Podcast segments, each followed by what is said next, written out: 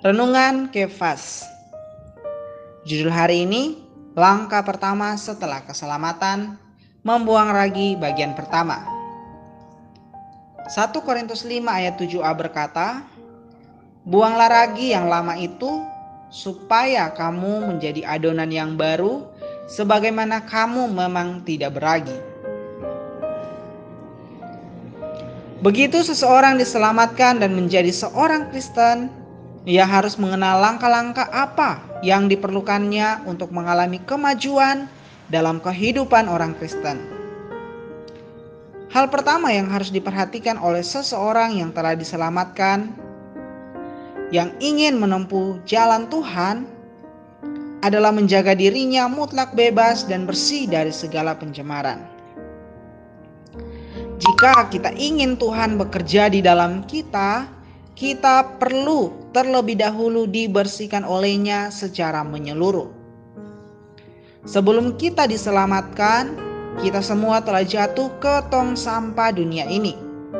Titik tidak ada seorang pun dari kita yang bersih dalam pemikiran-pemikiran atau emosi-emosi kita.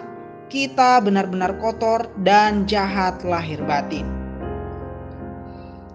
Sobat Kefas, kita berterima kasih kepada Tuhan karena menyelamatkan kita. Pada satu hari Tuhan datang, Injilnya mencapai kita, suaranya masuk ke dalam hati kita, rohnya bersimpati terhadap kita dan kita diselamatkan. Tuhan menyelamatkan kita dan memisahkan kita dari dosa dan kejahatan. Kita perlu mengizinkan Allah membersihkan kita jika kita tidak mengizinkan Allah membersihkan kita, kita tidak akan ada jalan untuk mulai berjalan di jalan Tuhan. Saudari, terang hari ini apa langkah awal yang dilakukan seseorang yang telah selamat? Mengapa kita perlu mutlak bebas dan bersih dari segala pencemaran?